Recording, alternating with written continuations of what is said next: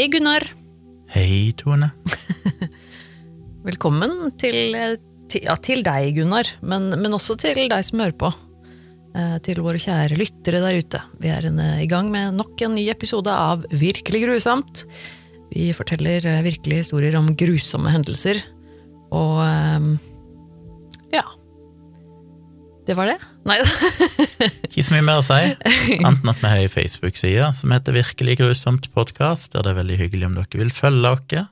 Ja, Der legger vi jo ut litt eh, episodebeskrivelser, og dere kan være med og gi dere egen grusomhetsvurdering på skalaen. Veldig gjerne det, og ikke minst også for å få med dere linker til eh, litt mer sånn details eh, om sakene vi skal snakke om. Og jeg vet jo at i dag, denne saken her, eh, vi kommer jo i hvert fall til å linke til den dokumentaren som vi satt og så på i stad. Eh, Og den eh, var ganske fascinerende, altså. Rett og slett, må jeg si. Men Så har er det òg en mailadresse. Ja. det var akkurat det jeg skulle til å si. Det var det jeg tenkte, derfor sa jeg det. Ja. Eh, Skal du si hva den heter? Den eh, overraskende nok Virkelig grusomt i ett ord at gmail.com. Og den kan dere bruke til å sende inn eh, tips, tilbakemeldinger, alt mulig rart. Nei, ikke alt mulig rart. Helst ikke alt mulig rart. Anstendige ting.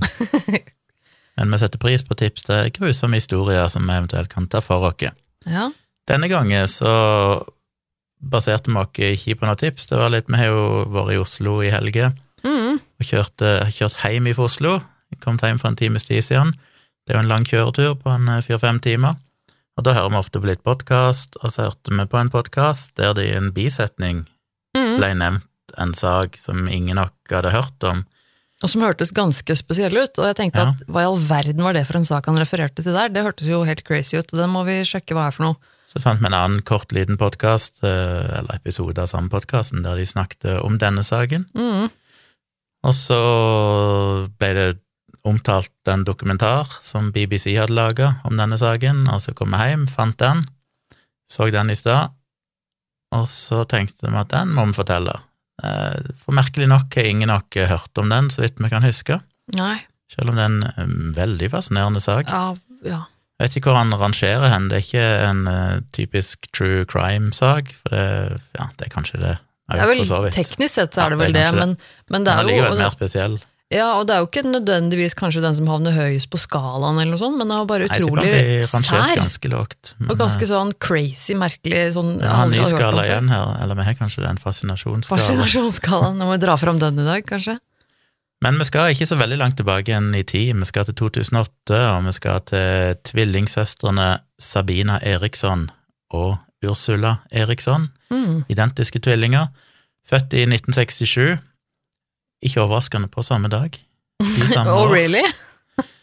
uh, ja.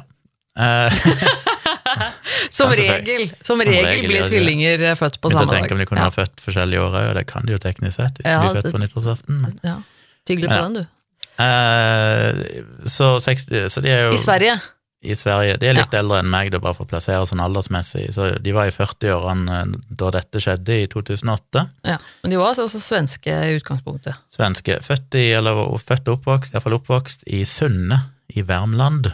Ja. De har jo en eldre søster som heter Mona, og en eldre bror som heter Bjørn. Og i hele oppveksten så var det ingenting unormalt med de, og han vet egentlig ikke så veldig mye om de.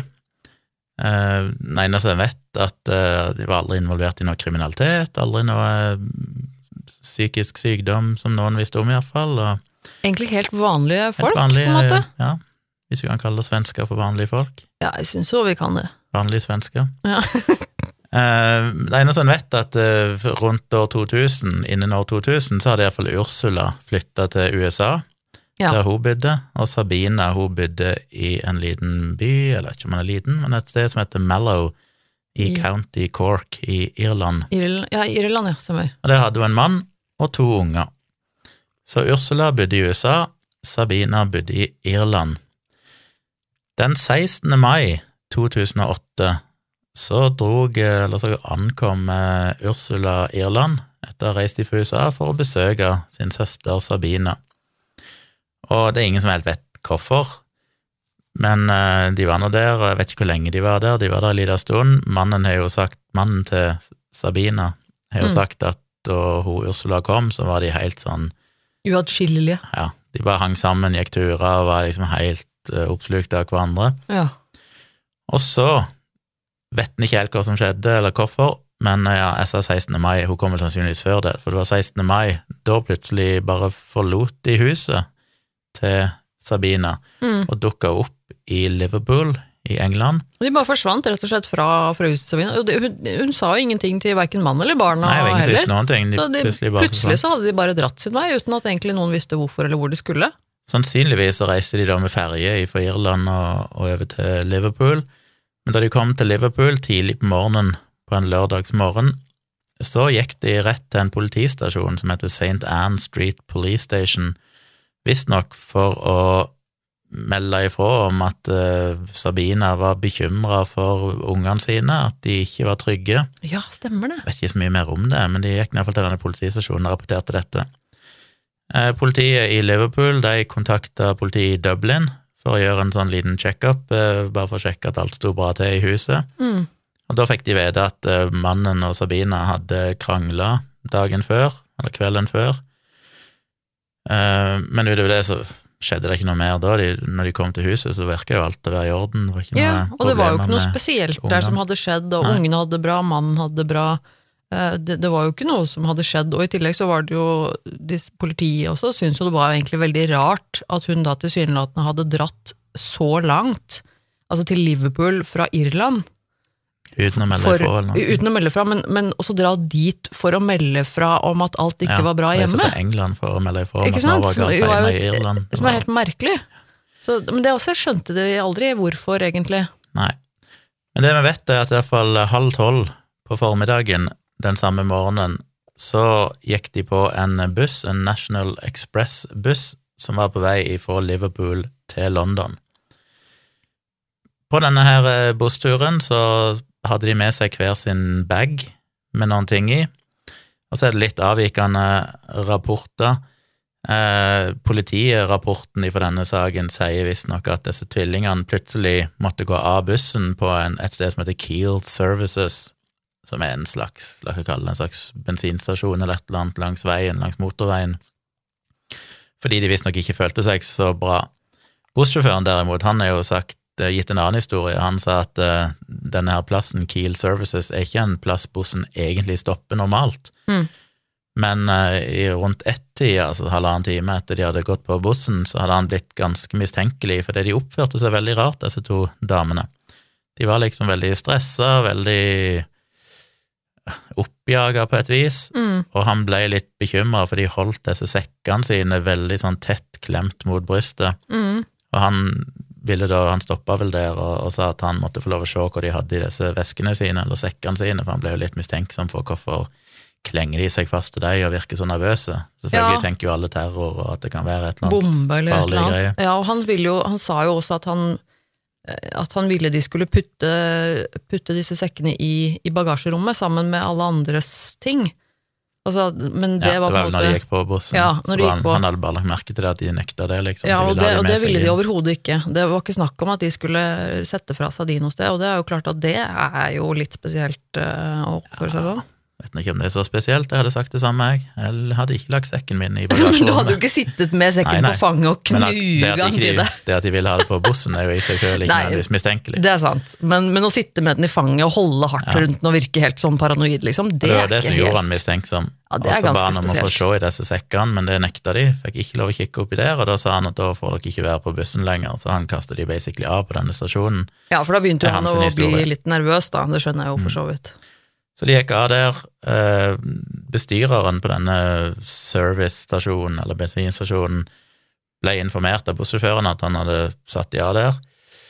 Og hun begynte å bli litt sånn bekymra, hun òg, for at hun så disse to damene stå på utsida, og de gikk litt rundt, og de gikk bak dette bygget, sto der fortsatt og klamra disse sekkene tett inntil brystene sine. Og til slutt eh, så valgte hun å ringe politiet, for de er jo opptrent til at de skal være litt oppmerksomme med tanke Mm. på terror og alt mulig sånn. Det har jo vært noen, noen hendelser i England og sånn de siste årene. Og det er jo, jeg tenker det er jo i utgangspunktet ganske fornuftig å gjøre det, og også ringe til noen hvis det er folk som oppfører seg veldig merkelig og mistenkelig. Så politiet kom, kom en politibil, eh, en politimann prata litt med dem, men konkluderte med at de virka helt ufarlige, kunne ikke se at det var noe galt, så politibilen bare kjørte av gårde etter at han hadde gitt de telefonnummeret til busselskapet, sånn at de kunne ringe og sørge for at de ble plukka opp der når neste buss kom, for dette var jo ikke en vanlig busstopp, så de måtte gjøre en ekstra stopp i så fall. Mm. Men istedenfor å gjøre det, så begynte disse to, Sabina Sabine, var det Sabine? Sa Sabina. Sabina. Sabina. og Ursula. og Ursula å gå langs motorveien. Og dette er jo M6 i England, det er jo en, en veldig stor motorvei.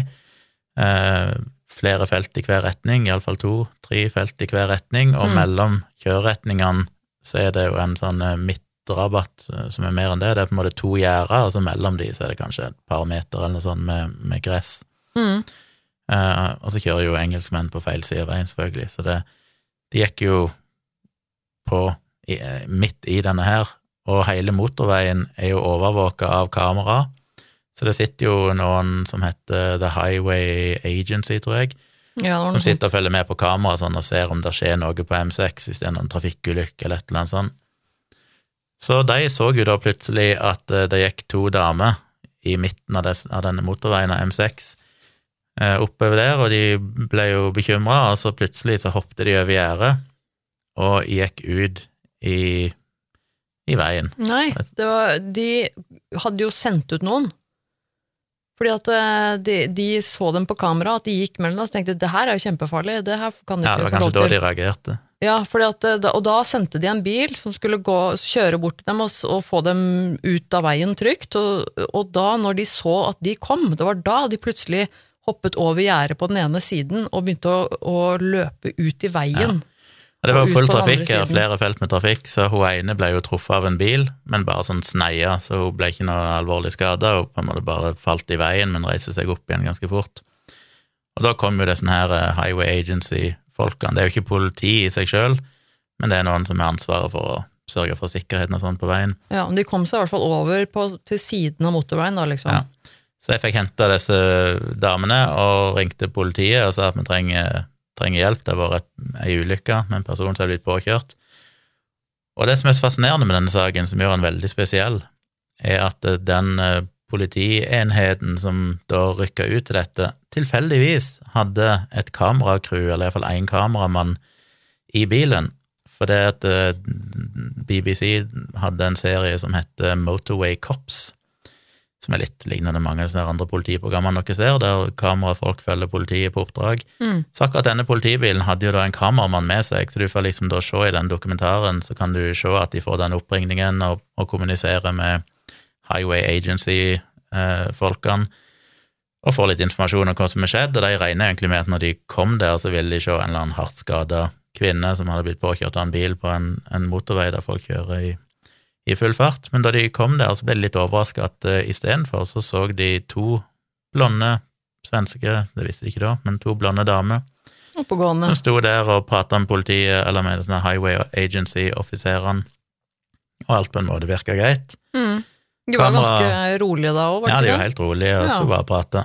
Kameramannen gikk ut av bilen, han òg, og filma det som skjedde, og sto og filma egentlig eh, politimannen som sto og snakka med han ene fyren fra Highway Agency, som egentlig bare står og forklarer hva som hadde skjedd tidligere, at de hadde sett disse to damene, og de hadde sprunget Mm. ut i veien, og en hadde blitt litt påkjørt, men mens de, mens de står og filmer dette, så ser du plutselig i bakgrunnen at hun ene av disse damene, Ursula, Mm.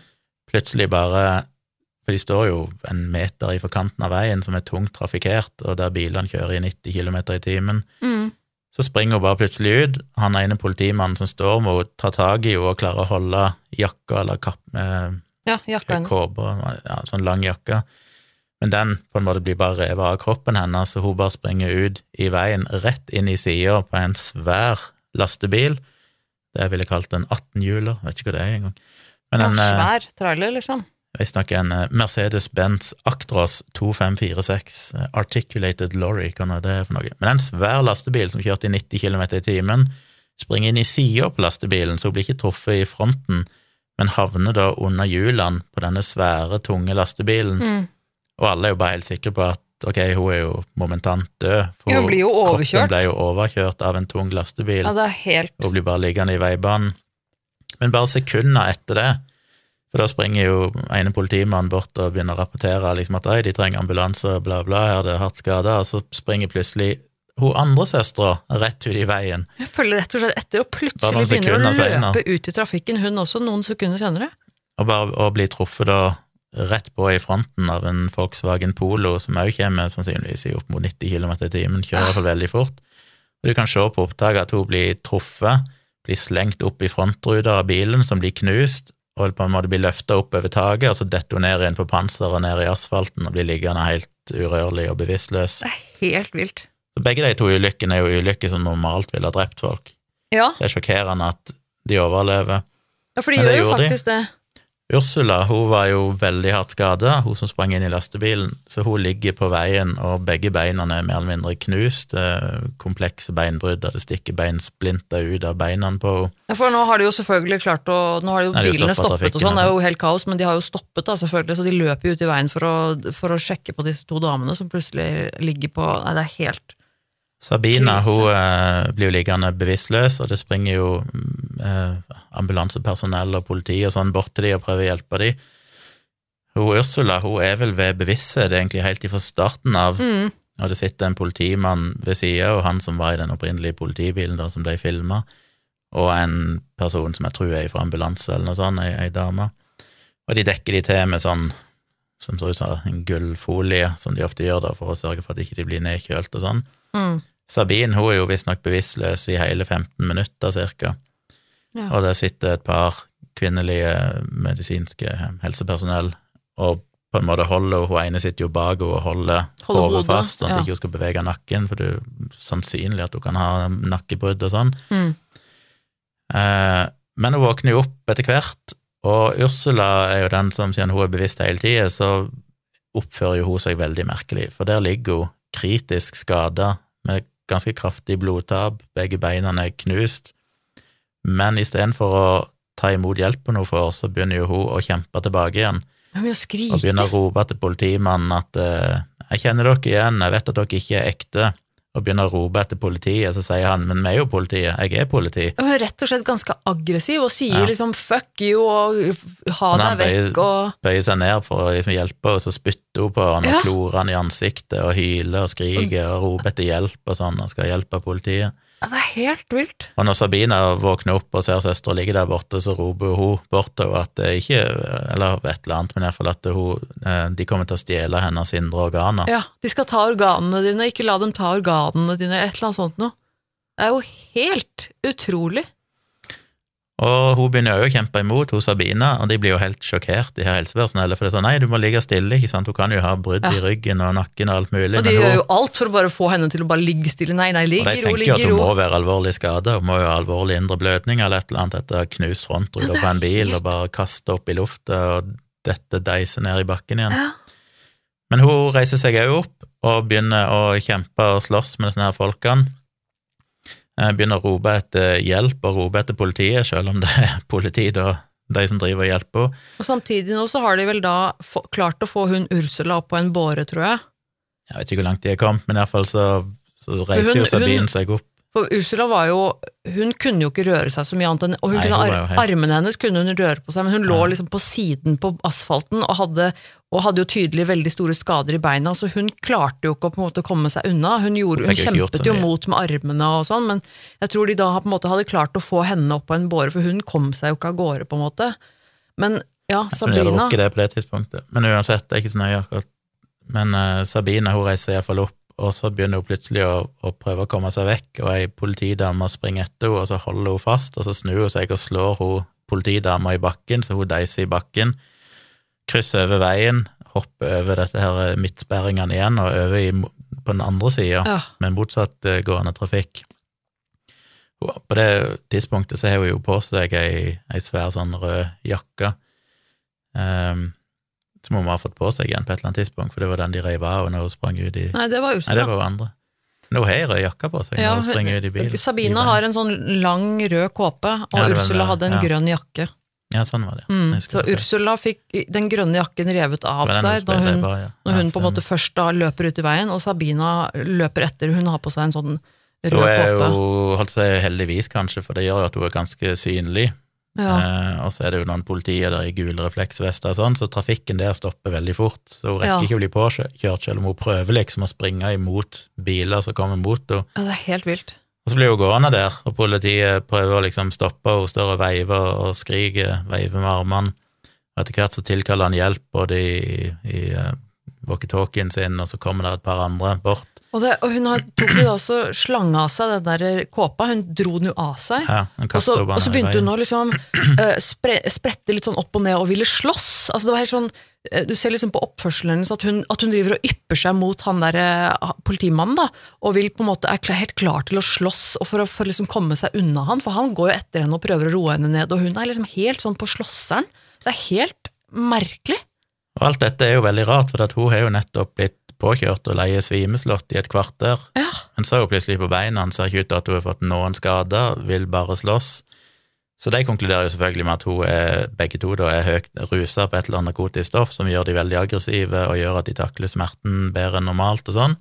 Så det var det politiet trodde, naturlig nok. Eh, så tenkte de jo at siden begge søstrene fordi på det tidspunktet hadde de funnet ut at de var søstre, at de var fra Sverige, de hadde vel funnet ID på de, jeg tenkte at det måtte være en sånn selvmordspakt eller et eller annet, at de Mm. var veldig rusa, og det var en selvmordspakt der begge to skulle springe ut i trafikken og bli drept, så det var det de trodde på det tidspunktet. De fikk til slutt stoppa hos Sabine, de måtte vel seks voksne personer til for å holde henne fast, og liksom få løfta henne opp og prøve å bære henne over på andre kjøreretning igjen, der som ambulanse og politi og sånn sto, men hun sparka jo imot og prøvde alt mulig, og til slutt så fant de ut vi er nødt til å, å dope henne ned, holdt jeg på å si, så de ga henne beroligende midler intravenøst, eh, sånn at hun til slutt roa seg ned, fikk på håndjern og sånn, og fikk lagt opp ei båre, og, Mm. og eh, transportert begge to til sykehus. Ursula ble jo tatt med ambulansehelikopter, for hun var såpass alvorlig skada, Ja. og Sabina ble tatt med, med sykebil, så vidt jeg vet. Og da hun kom til sykehuset, så Hvem? Hmm, eh, Sabina Ja, Sabine. Så var jo hun veldig rolig plutselig. Jeg merka egentlig ingenting spesielt med hun, og det var jo påfallende òg at hun spurte, snakka aldri om søstera si, spurte ingenting om hun. Hun var jo tross alt eh, hardt skada, hadde blitt overkjørt av en lastebil og Ja, masse blod og greier. Kritisk skadet, Men faktisk. Sabine hadde ingen Det var akkurat som hun ikke visste at Ursula eksisterte og sånn. Så hun ble jo egentlig bare kontrollert litt der og sånn, stilt en del spørsmål, og etter fem timer så ble hun sluppet fri fra sykehuset. Og der ble hun tatt med av politiet, da. Og da var hun så rolig at politiet verken hadde håndjern på eller noen ting, og det er det òg videoopptak av, at Mm. hun bare sitter bak i politibilen. Og på det tidspunktet så driver hun og spøker litt og snakker om forskjellige ting, flørter med politimennene, og rett før så er hun liksom blitt påkjørt og slåss, og det, det er bare helt absurd hele greia. Søster ligger hardt skada, hun bryr seg ingenting om det, tydeligvis. Ja, det er Sånn. helt merkelig. Og det, det er så sånn ene, ene scenen på politihuset der hvor, hvor de spør henne en del spørsmål, hvor, hvor hun står sammen med han, eh, han politimannen som har eh, henne i varetekt, og så er det en annen som sitter bak en pult, og så begynner de å spørre henne noen spørsmål, så spør de blant annet om Liksom, altså for de vil jo vite hennes mentale tilstand, og, og spør de jo blant annet om har du noen gang ønsket å skade deg selv, eller har du noen gang skadet deg selv før, eller noe sånt. Og nei, nei, nei, ikke noe sånt, nei, nei, nei. Og, og helt sånn rolig, og det er helt Altså, helt bisart, nesten, altså. Ja, på politistasjonen så er hun òg helt rolig, driver og flørter, og, og de er liksom viser liksom med. videoopptak av at hun, de skal jo ta jeg skulle, de skulle ta bilder, og de skulle kanskje ta bilder og ta fingeravtrykk og alt mulig sånn, og hun må kle av seg og diverse.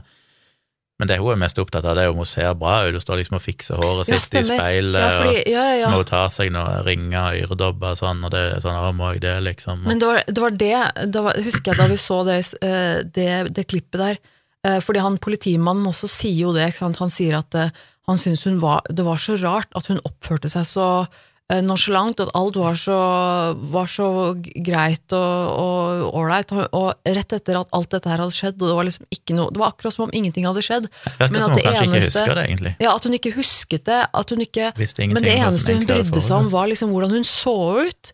Og det at de drev og, det var et eller annet du ser på de klippene, de drev og snakket om øredobbene, eller smykken, at hun må ta av seg smykkene sine, eller noe sånt. Og da blir hun veldig sånn Nei, må jeg ta av meg øredobbene òg? Åh, nei, og det var liksom sånn Å, nei, jeg hadde ikke så lyst til det. Og var litt sånn derre ta strikken ut av håret, og liksom løsner løsne litt på håret sitt, og, og sånn og det er helt sånn merkelig, for at det, som han sier, han, han politimannen, at det, det, var så rart hvor, liksom, hvor komfortabel og avslappa hun virka i den situasjonen, etter alt det der som hadde skjedd. Og da står hun jo i den derre sykehus... Hva heter det? Sånn sykehusfrakk, holdt jeg på å si. Sånn som du får når du er pasient på sykehus. Eh, politistasjonen og det bare helt Men det var det da jeg tenkte også at, at det var det liksom første eh, sånn helt åpenbare hintet eh, for, for, meg, for meg at hun at hun er jo et helt annet sted på en måte i hodet sitt. Hun, her, her, er det jo en person som ikke er på samme planet som oss. Hun, hun, klarer ikke å forholde seg til det som har skjedd, det virkelige som har skjedd. Hun husker ikke et eller annet, men også er hun helt sånn eh, unormalt opptatt av utseendet sitt, og sånne små detaljer som det, i en sånn situasjon, er veldig veldig uvanlig og veldig unaturlig. Og da så tenkte jeg at ok, men hun, hun er jo ikke frisk, hun her. Det er jo noe veldig, veldig rart som foregår her. Det er helt merkelig. Eh, broren hennes, Bjørn, han fikk jo merkelig nok ikke vite om dette før veldig lenge seinere. Jeg fant en artikkel oh. fra Ekspressen i Sverige som er skrevet i september, altså tre måneder seinere. Og det var først da de ganske nylig i familien fikk vite om det som hadde skjedd. Det er kanskje ikke så rart hvis ikke de hadde sånn jevnlig kontakt med dem, og de bodde jo i Irland og USA. Jeg var ja. litt overraska. Han vet ikke hvor han har det ifra, men han hevder som jo er helt feil, at disse to søstrene sine, da, når de sprang opp over M6 i, i midtpartiet der, mm. så prøvde de å flykte fra en gjeng som skulle voldta dem, og sa at de hadde heller valgt å ta en lastebil i trynet enn å bli gruppevoldtatt. Men altså, dette er jo på kamera, de er overvåkingskamera og sånn, det var ingen som fulgte etter dem, så gudene vet hvor han har fått det ifra. Det, det kan jo være han Det står at han har hatt ja, på det tidspunktet så har jo en del skjedd, men da har han hatt kontakt med søstera si og sånn, og det er mulig at hun har fortalt den historien til han Merkelig. Ja. for å prøve å rasjonalisere det som skjedde. Hm. Men hun ble iallfall tatt uh, Ja, hun var jo på politistasjonen, uh, var vel der ei eller to netter, endte opp med å erklære seg skyldig i at de hadde liksom gått ut på motorveien, uh, som ikke er lovlig, og at hun mm. hadde angrepet en politimann. Mm. Hun slo jo til hun politidamen i ansiktet, eller noe sånt, ja. Så hun ble dømt til én dag i fengsel, men det hadde hun egentlig allerede sona, sa de, siden hun hadde tilbringt ei natt eh, på politistasjonen, så hun gikk rett og slett bare ut der da 19. mai, ble hun sluppet fri. På dette tidspunktet så var jo Ursula var fortsatt hardt skada på sykehuset. Mm. Eh, de hadde tatt blodprøver av Ursula fordi ja, hun måtte jo behandles ganske mye og der fant de jo ingen spor av verken alkohol eller rusmidler. Nei. Um, de tok aldri noe blodprøve av Sabina, men eh, de antar vel at de hadde neppe, siden ikke de fant noe hos Ursula, og de oppførte seg ganske likt, så ville ikke det nødvendigvis være lite sannsynlig at det skulle forklare hennes eh, oppførsel heller. Så det var ingen rusmidler involvert, som er fascinerende. Mm. Uh, de ble jo aldri undersøkt skikkelig psykologisk. Sabina ble vel eh, på en måte snakka med av iallfall tre forskjellige, det var vel en politilege og en psykiater og en eller annen sosialarbeider. Men ingen av de hadde jo sett videoopptak, for det var jo ikke tilgjengelig på det tidspunktet, av det som Nei. hadde skjedd på, på, M6, på motorveien. Så de visste egentlig ikke helt noe om det som var foranledig av dette her. Så når de snakka med henne, og hun var helt rolig, så konkluderte alle med at det var, nei, det var, hun virker jo helt ok, liksom. Så mm. ingen av de egentlig sa at det var noen grunn til å holde på henne. Og på, på det tidspunktet da, ja, ikke sant, på det tidspunktet, helt sånn, holdt jeg på å si, ut av kontekst, så, så er det kanskje ikke så rart da, at hun fremsto som ganske frisk, at hun i hvert fall ikke var alvorlig akutt mentalt syk, liksom, for at hun, hun oppførte seg jo rolig og, og, snakket og svarte på spørsmål, og, og, ikke sant, og da og når de da ikke vet hva som har skjedd, og ikke vet ikke, ikke, liksom har de detaljene, så er det jo kanskje ikke så lett da, å plukke opp uh, hvordan hun egentlig var i, i holdt opp sin mentale tilstand hennes var. da. Nei, Deres jobb er jo heller ikke å diagnostisere, og deres jobb er jo kun i en sånn uh, juridisk ja. sammenheng bare sjekke er hun trygg og liksom bli sluppet ut her og nå. Ja. Det er klart, når de sitter og prater med henne, og hun smiler og ler og spøker og virker helt frisk, så er deres konklusjon at nei, Hun har ikke var noe fare for samfunnet. Hun er ikke rusa, hun er ikke noe greit. åpenbart psykotisk eller noen ting, Mm. så Så de slapp hun egentlig bare fri. Så hun gikk jo ut av eh, politistasjonen den 19. mai, eh, og dette her var da i en, eh, et lite sted som heter Stoke-on-Trent. Gikk ut i gata, hadde fått med seg sine eiendeler og noen av søstre sine eiendeler i noen bæreposer, og gikk egentlig bare litt rundt i gatene i Stoke-on-Trent og hadde funnet ut at hun skulle prøve å finne dette sykehuset som søstera var på. Mens hun sto der, så var det to lokale menn, en som heter Glenn Hollingshead, en 54 år gammel mann, som var en eh, Han, han drev et eget firma som sveiser, men han var utdanna som eh, paramedic, hva er det er en ambulanse...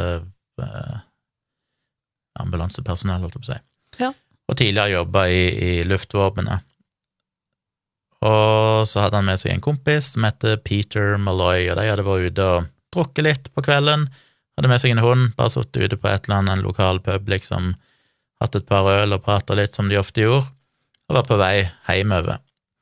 Og da så de plutselig Sabina stå på fortauet på andre sida av veien de gikk, og de sa at hun stakk seg veldig ut, for hun hadde jo gikk liksom eiendelene sine i, i bæreposer, som den ene var gjennomsiktig, så du kunne se hun liksom gikk og bar på noe klær i poser som virka litt sånn rart, og hun virka veldig, veldig stressa og oppjaga der òg. Men da de gikk forbi, så ropte hun liksom og sa at 'hei, en fin hund du har', og så kryssa hun veien og kom bort og begynte å klappe hunden. Og virka da òg veldig sånn nervøs, og han Peter Meloy han syntes det var litt sånn Litt ekkelt, kanskje, måten hun oppførte seg på, men hun spurte om de visste hvor dette her sykehuset var, eller om det var noen sånn bed and breakfast eller hotell i nærheten, så hun kunne Ja. overnatte. Mm. Ja, for hun snakket om at hun lette etter søsteren sin som Ja. har havnet på sykehus. Og da sa Glenn at uh, på dette stedet her så er det egentlig ingen plass å overnatte. Men han var visstnok en sånn fyr som var veldig opptatt av å være en god samaritan, liksom, og, og hjelpe folk og prøve å se det beste i alle, så han sa at men du kan komme hjem til meg, så kan du overnatte der, Mm. og så kan jeg hjelpe deg å prøve å finne ut hvor søstera di ligger hen i morgen.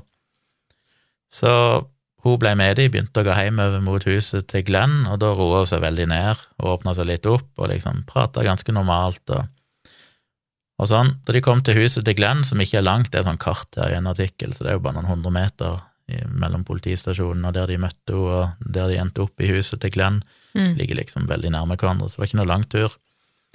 Og Der satte de seg ned inne hos Glenn og et, begynte å drikke bitte grann. De tok en øl eller noe sånt, var det ikke Ja. det de sa? Liksom, at Men hun, hun var Casual.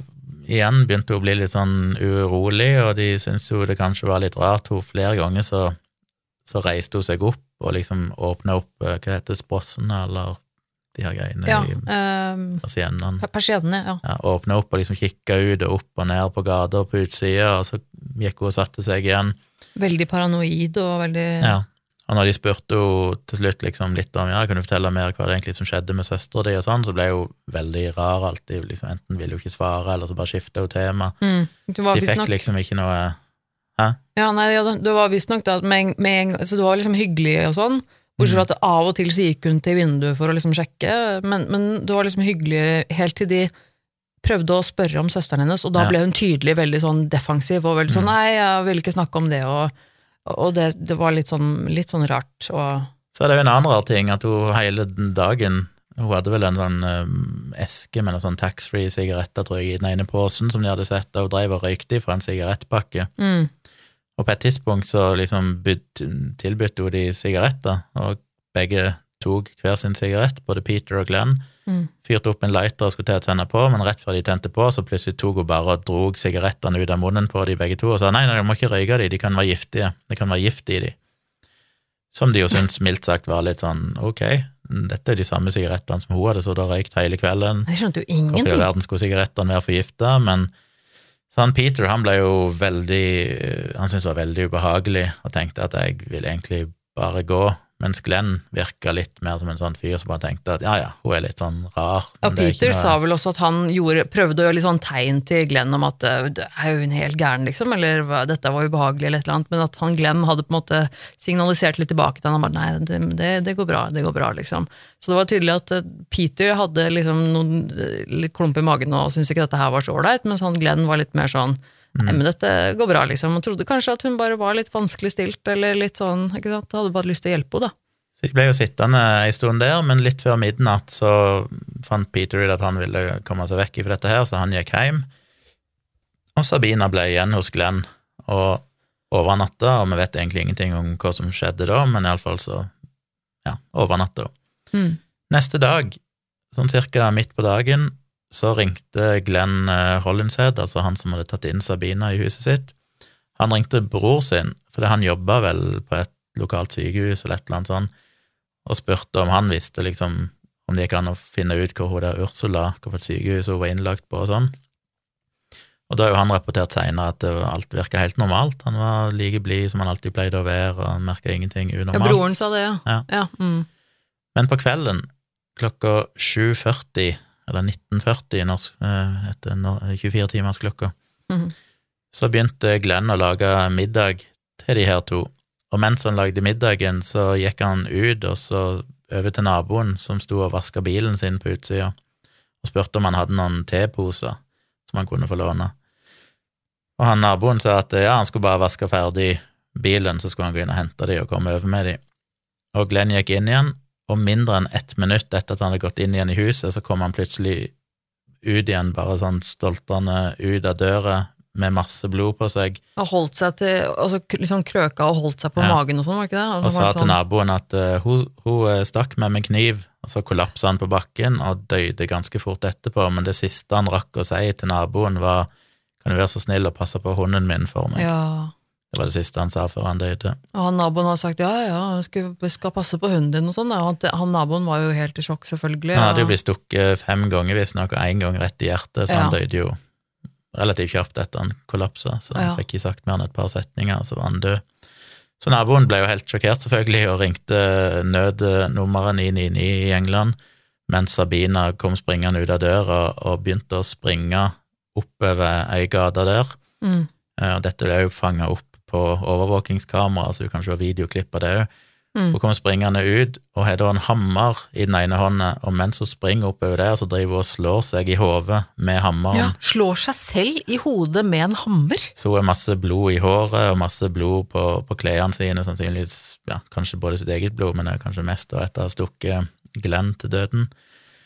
En tilfeldig, ganske ung eh, bilfører så hun springe oppover der, Ja, han helt sa jo i trynet. og at han og- også ble jo helt sjokkert, fordi han så jo hun løpe oppover der med den hammeren, og så at hun slo seg selv i hodet med den hammeren, og han ble jo helt satt ut av det. For han så jo også at hun, at hun hadde blod i håret, og at hun på en måte Han sa at det, håret hennes var helt sånn mattet av blod, og at hun hadde blod på, på foran på klærne sine. Tenkte det må være ganske jeg bare ser for meg det selv, liksom. Jeg er ute og kjører bil, så kom, er det en dame som løper på fortauet og slår seg selv i hodet med en hammer.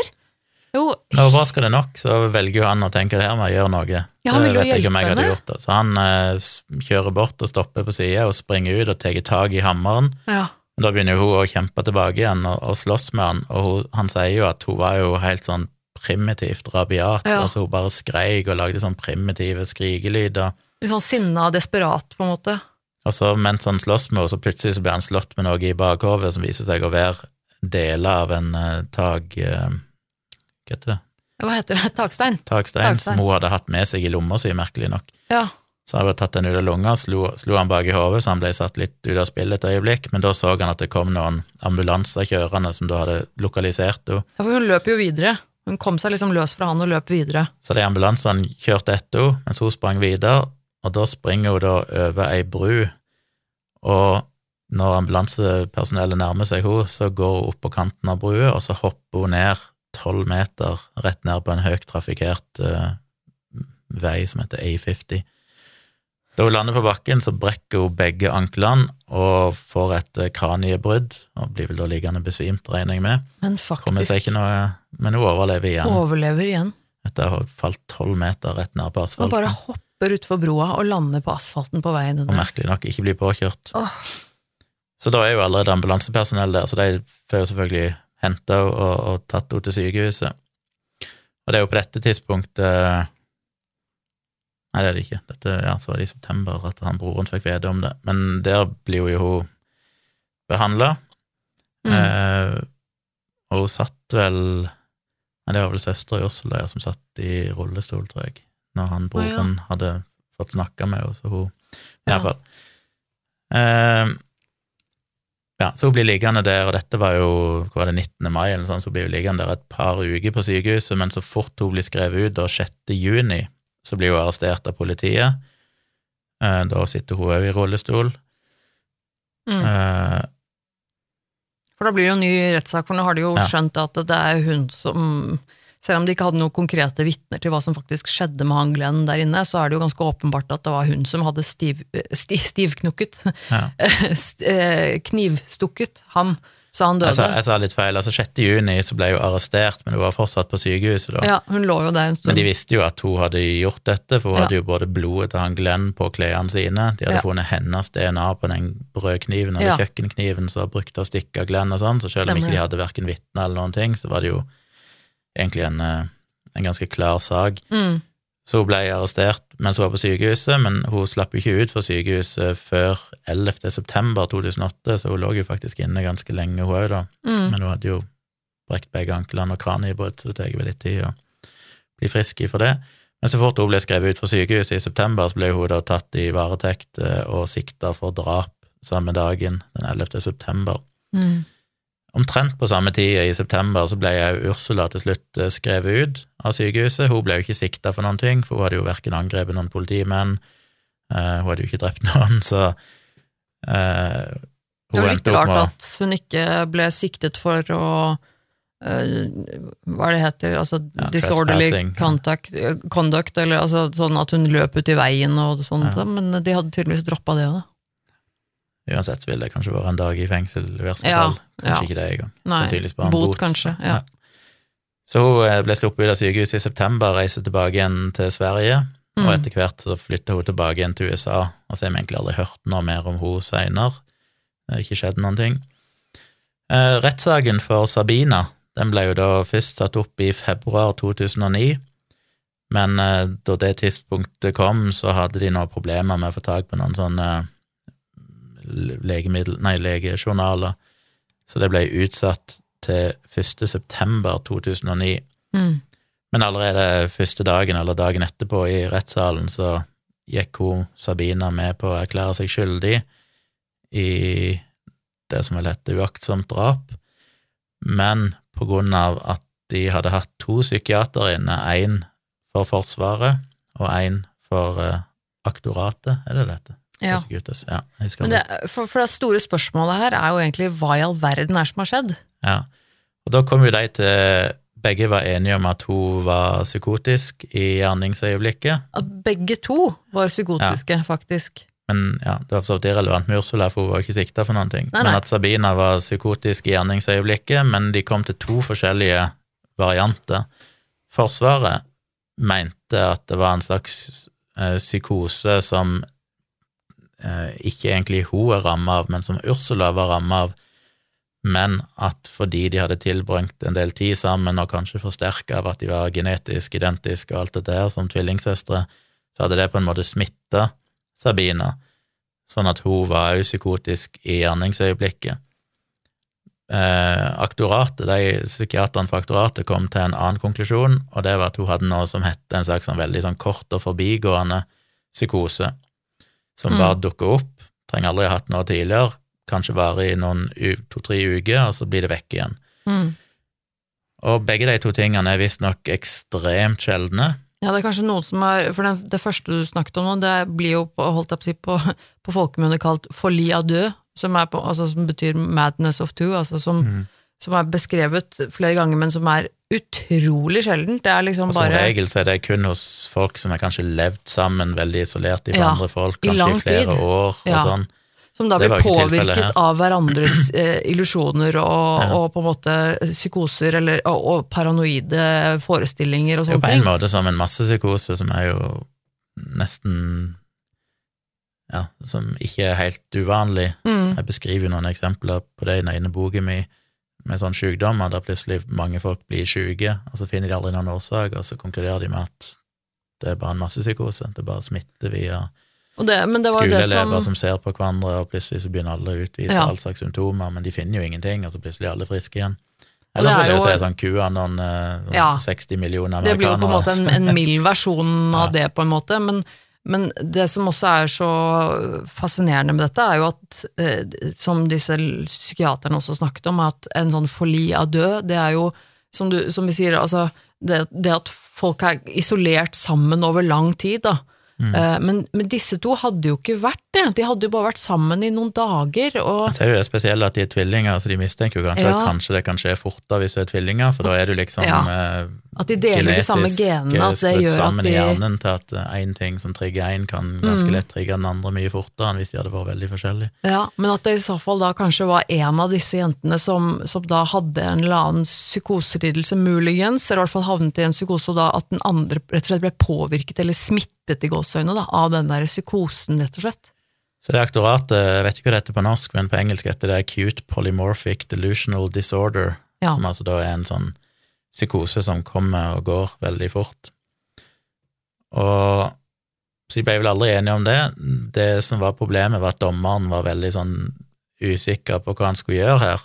Mm. For altså, hun, hun erklærte seg skyldig under den forutsetningen at hun hadde det som kalles for manslaughter with diminished responsibility, altså med redusert ansvar, Mm. som du kan få hvis det er mistanke om en psykose eller en eller annen psykisk sykdom inne i bildet.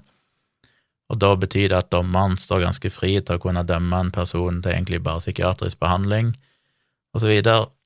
Han syntes jo det var vanskelig, for her var det jo tross alt et drap, Mm. og han eh, følte jo selvfølgelig at eh, de etterlatte etter Glenn, som var drept, på en måte fortjente at hun ble dømt for noe alvorlig for drapet, og ble, fikk en tilsvarende straff.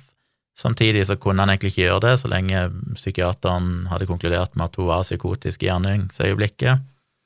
Men de visste jo heller ikke om hun var en pågående fare, for når disse psykiaterne vurderte, og når hun var i rettssalen, så var hun jo det de påsto var frisk igjen. Ja, og det er jo det som var så innmari spesielt med denne saken her òg, for de hadde jo da konkludert med at hun hadde en eller annen forbigående psykose. At hun da Altså Hadde det vært en pågående risiko, så kunne han jo ha dømt henne til en slags forvaring eller Ja, tvungen behandling, Og det at det hun, kunne han heller hun ikke. var psykotisk da, da dette hendte, men når hun nå sitter i rettssalen, så er hun ikke lenger syk, var det de, de gikk ut fra Mm. da. Og det som ble det store problemet, er jo at hvis hun ikke er syk, så kan hun jo ikke bli få tvunget psykisk, psykisk helsevern eh, når hun ikke er syk. Så, så da eh, skjønner jeg at det kunne- straffes for drap, altså få en vanlig livstidsstraff eller noe sånt, fordi hun var psykotisk, men hun var samtidig utgjorde hun ingen trussel for omstendighetene lenger, så derfor kunne hun heller ikke tvinges til noe lang behandling, så hun endte til slutt opp med å bli dømt til fem års fengsel. Mm, Og da sier dommeren, eh, da han ga denne dommen, at uh, han skjønte det at denne her dommen her vil føles totalt utilstrekkelig for slektningene og, og de pårørende til, til Glenn da, som ble drept. mm, Men han sier at han har ut øh, Han har gitt denne dommen da på det grunnlaget av at uh, hun var mentalt syk, og derfor så Ja, hun blir ikke sett på som Altså, disse psykiaterne konkluderte med at hun utgjorde en lav risiko for å være en trussel for andre i framtida. Så han sa at dommen er jo ikke utforma for å reflektere den sorgen som eh, slektninger og familie og sånn selvfølgelig føler etter å ha mista et familiemedlem på den måten. Det er ingen dom som kunne ha gjort opp for det. Men han sier at hun virkelig var psykotisk. Hun trodde virkelig på de tingene som hun trodde på på det tidspunktet, som gjorde at hun gjorde det hun gjorde. mm, Og han sier at hun hadde rett og slett ikke noe valg. Det, det er ikke et tilfelle hun på noen som helst måte hadde kontroll over sine egne handlinger og kunne gjort noe for å unngå det som endte opp med å skje. Vi vet jo selvfølgelig ikke helt hva hun tenkte. Problemet er jo at hun ikke har svart på noen spørsmål. Eh, I alle utspørringer og politiavhør og sånn, så har hun kun svart no comment.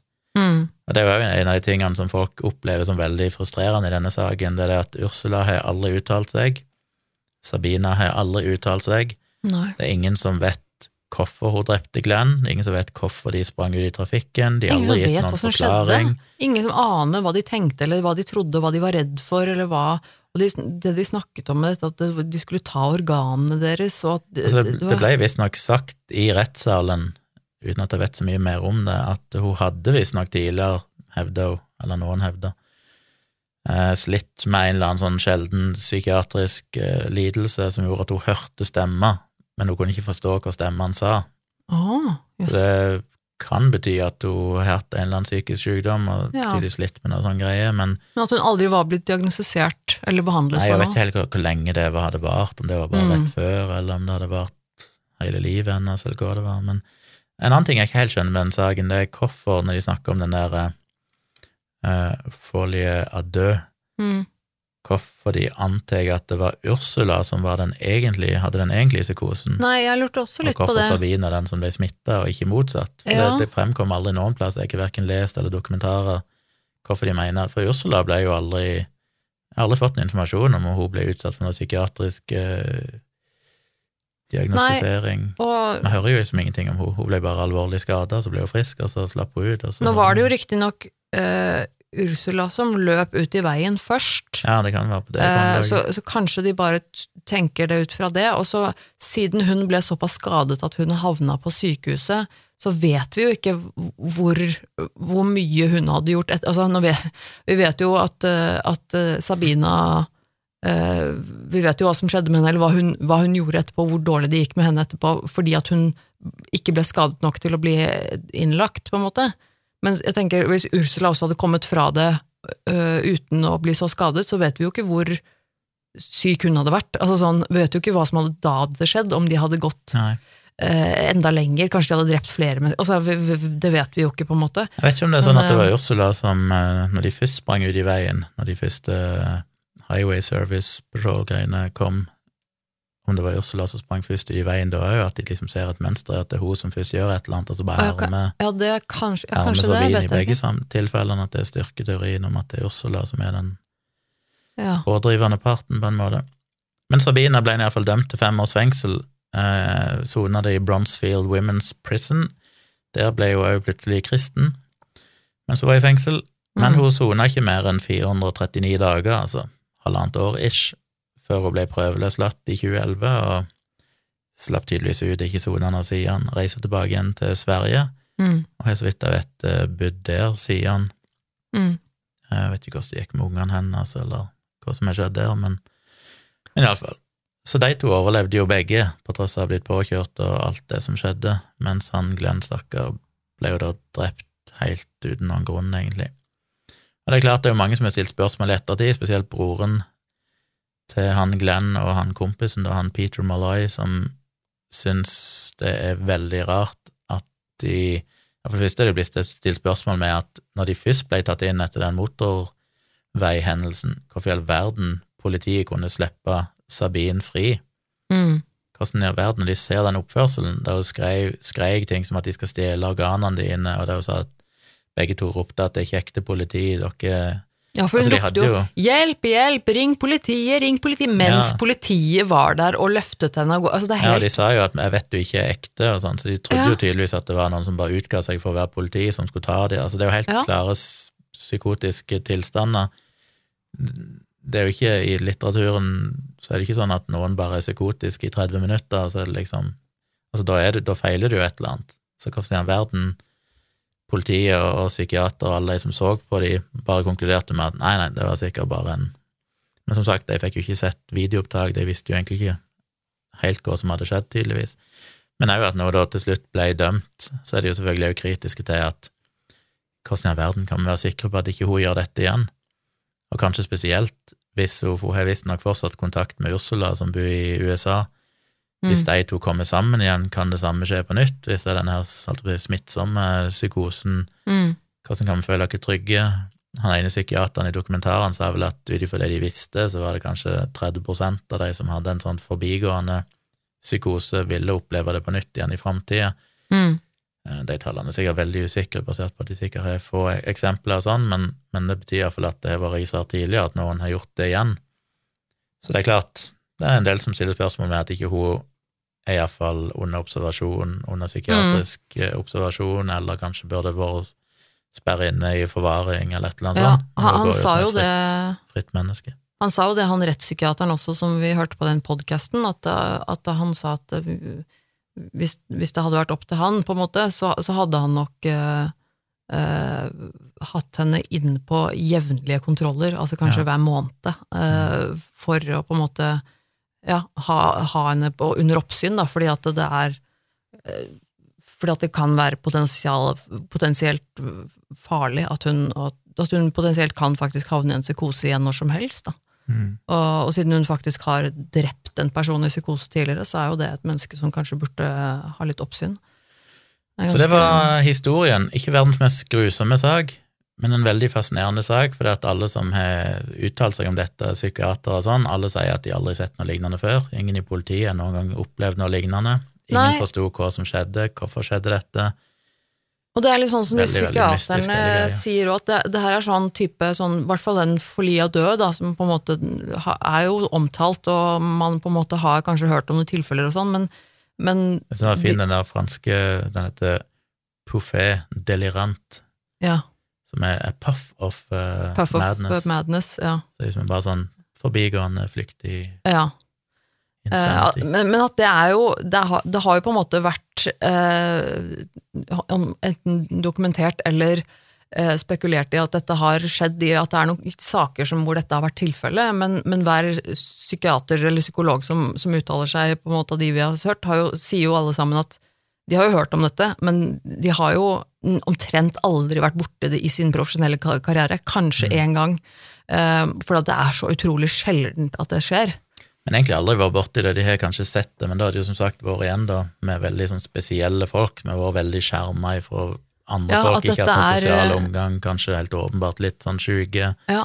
og påvirke Så- hverandre. Men her var det jo to tilsynelatende helt friske, uten noen historikk med mental sykdom, psykisk sykdom, som bare i godt voksen alder, bare én dag, liksom, eller to dager omtrent, klikker, og så aldri mer. Og det er rett og slett bare øh, skrekkelig fascinerende, altså. Hvordan da disse to på en måte har Hvordan de deler eh, en psykose, på en måte. Altså hvordan de, de, de har Altså, for når du er psykotisk, altså, da har du på en måte virkelighetsfjern. Da, er du, jo- da har du på en måte mista grepet om, om hva som foregår i, i verden rundt deg, hva som er virkelig. Og at de da kan dele det, det er ganske spesielt. At de har de samme tankene, at de på en måte får de samme paranoiaene og, øh, og er redd for de samme tingene, og det er jo utrolig spesielt. Så det er jo mange som mistenker selvfølgelig at de faker det, Nei. men det mener jo folk er lite sannsynlig, for Ja, det, det- som de sa i den ene, var det i podkasten sånn, så er det jo det at hvis folk faker den type psykisk sykdom, så er det jo ofte fordi at de prøver å overbevise om at de er uskyldige, eller overbevise om at de hadde en slags intensjon eller hensikt med det de gjorde, de skal prøve å vri seg unna en eller annen sak. Ja, eller at de vil ha behandling istedenfor fengselsstraff, for Ja. Så prøver de å De hadde de aldri gjort det når de sto der på motorveien, så sprang de jo bare rett ut i trafikken gjentatte ganger, selv om de ble liksom redda gang på gang, så bare sprang de ut igjen. Og sa aldri til politiet liksom at nei, de, altså de kom aldri med noen historie. De prøvde aldri å overbevise noen Nei. andre om at det var en grunn til at de oppførte seg som de gjorde. Og det er jo helt ekstremt å bare stå der og, og løpe de rett ut i veien på, på en motorvei, og faktisk, som de politiet også sa, at det, det var ikke sånn at de bare løp ut i veien, de løp aktivt på, foran bilene.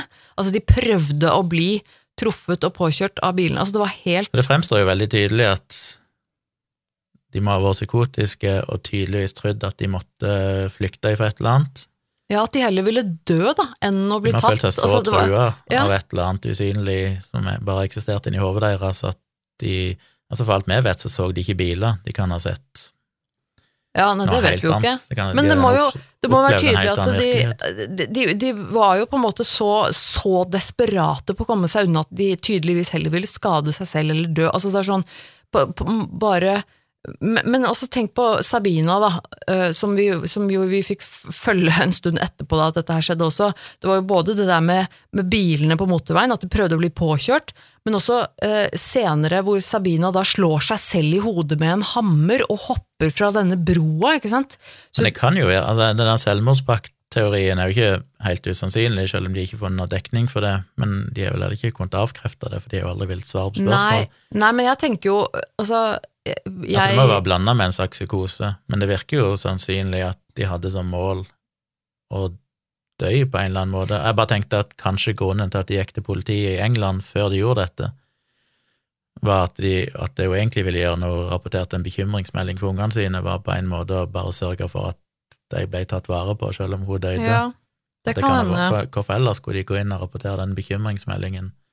Det Ja. virker jo som at de på det tidspunktet kanskje visste at de, nå kommer de til å dø, de vil bare Ja, men jeg, jeg tenker jo at, at, eh, at, at de var helt, helt tydelig veldig paranoide, veldig, veldig redde, eh, og det virker jo som om de tror at de blir jaget, og det, for meg så virker det som om de er inne i en eller annen, en eller annen illusjon hvor de, hvor de eh, blir jaget og heller vil dø enn å bli tatt. Altså at det er et eller annet veldig, veldig, veldig farlig, skummelt som er ute etter dem, eller som, som kommer til å skje hvis de blir tatt, og at da hun skjønner at, at Eller liksom at de skjønner at vi, vi må heller Vi må dø, vi må drepe oss selv uh, istedenfor å bli tatt.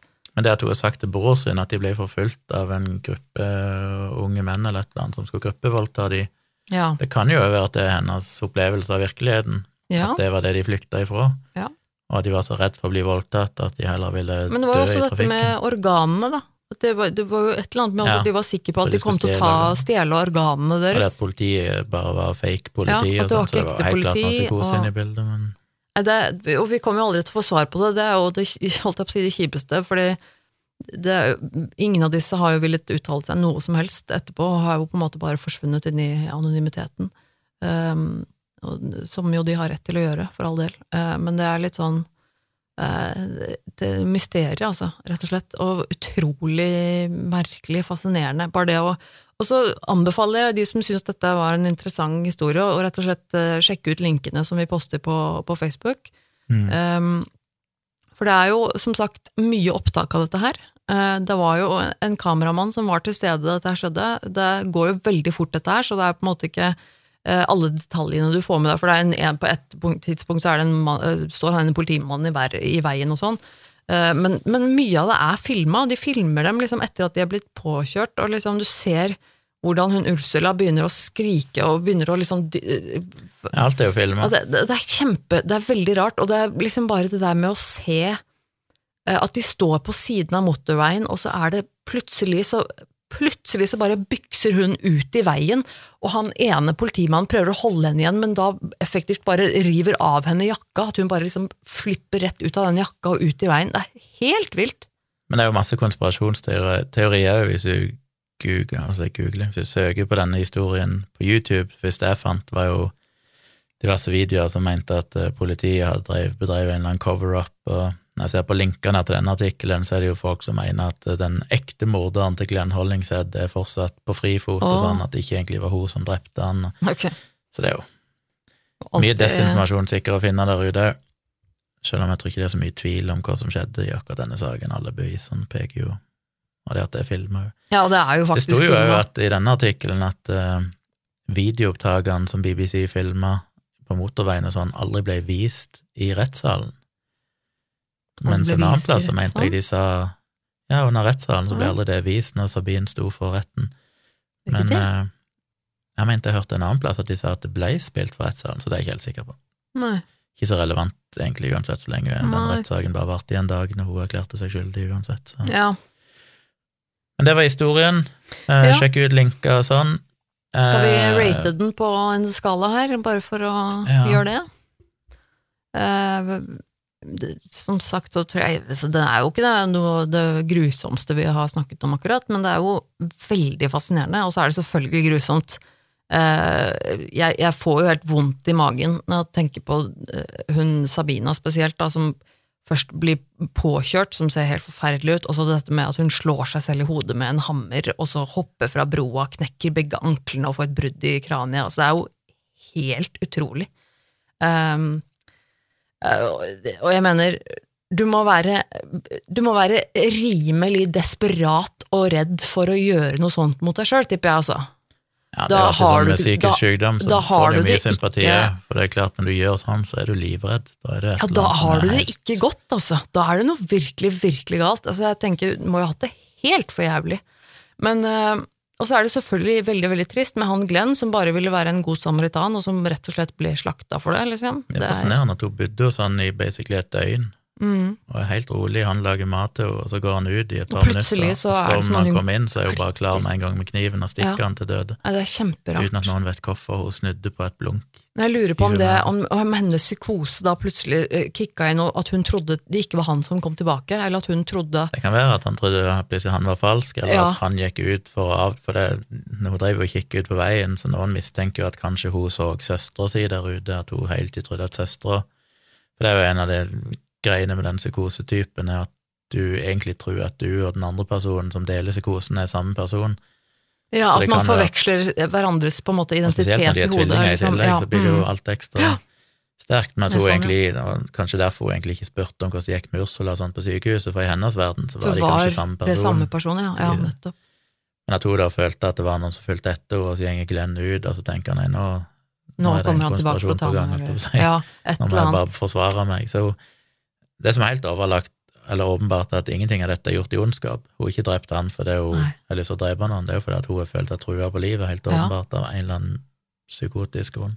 Det er virkelig Derfor er det jo bare trist òg, liksom. Ja, veldig sånn tragisk. Derfor er det jo riktig at hun ikke blir dømt til noe livsvarig fengsel, for det som dommeren sa, hun hadde ikke noe valg i den situasjonen. Nei, hun, hun Hun gjorde det hun mente Ja. definitivt var riktig i den psykosen hun var. Og jeg, jeg vil på ingen måte tro at det der var fake på noe som helst vis, for jeg tror Nei. ingen er i stand til å gå så langt, eh, både mot seg selv og andre, og oppføre seg på den måten der og ved, ved å være fake. Det, det tror jeg ikke omtrent går an. Jeg tror jeg gir det kanskje en trier på skalaen. En person ble drept, han døde jo for så vidt eh, i løpet av et minutts tid eller noe sånt. Det var jo gjerningspersonene sjøl som ble hardt kvesta, og det er jo selvfølgelig grotesk og grusomt at det skjedde fordi de var sannsynligvis psykisk syke. Men eh, tre. Jaså, ja. Nei, jeg ville nok i hvert fall fire. Kanskje til og med fem. Eh, fire, tror jeg. Han på fire, ja. Fire. Fordi at uh, han ble knivstukket og drept og sånn, og så alt det jævlige de damene gikk gjennom, og hun Sabina hun gjorde med seg selv, og den frykten og grusomheten hun må ha levd med. Men med. forhåpentligvis kjente de ikke så mye smerte, da, for det virker jo som at de egentlig ikke kjente smerten, selv om hun har fått beina knust av en lastebil, så virker det ikke som at det påvirker Å, i det hele Det tatt. er helt sykt, altså. Så på en eller annen måte var de samtidig så sjuke at den positive sida av det, at de kanskje ikke opplevde de grusomme tingene sjøl. De var ikke egentlig klar over hva som hadde skjedd med de. Så det er ikke sikkert det var så mye lidelse sånn rent fysisk. Jeg vet ikke. Men vi er jo alltid nysgjerrig på hva dere syns, og gå inn på Facebook-sida vår i løpet av eh, mandagen eller seinere, når dere hører den episoden. Sjekk ut uh, linker der. Det ligger jo selvfølgelig òg i podkast-appen, i, i shownotes, hvis dere sjekker ut det. Mm. Og så skriv, eh, skriv hva dere syns, skriv eh, hva dere rangerer det til. Og som vanlig, hvis dere har tips til andre episoder eller andre tema, eller har noen tilleggsinformasjon eller feedback på denne eller tidligere episoder, så er det bare å maile på virkeliggrusomt at gmail.com. Ja. Så er vi vel tilbake gjennom om ei uke med en ny episode. Regner med det. på. Takk for at dere hører på, folkens. Ha det. Ha det.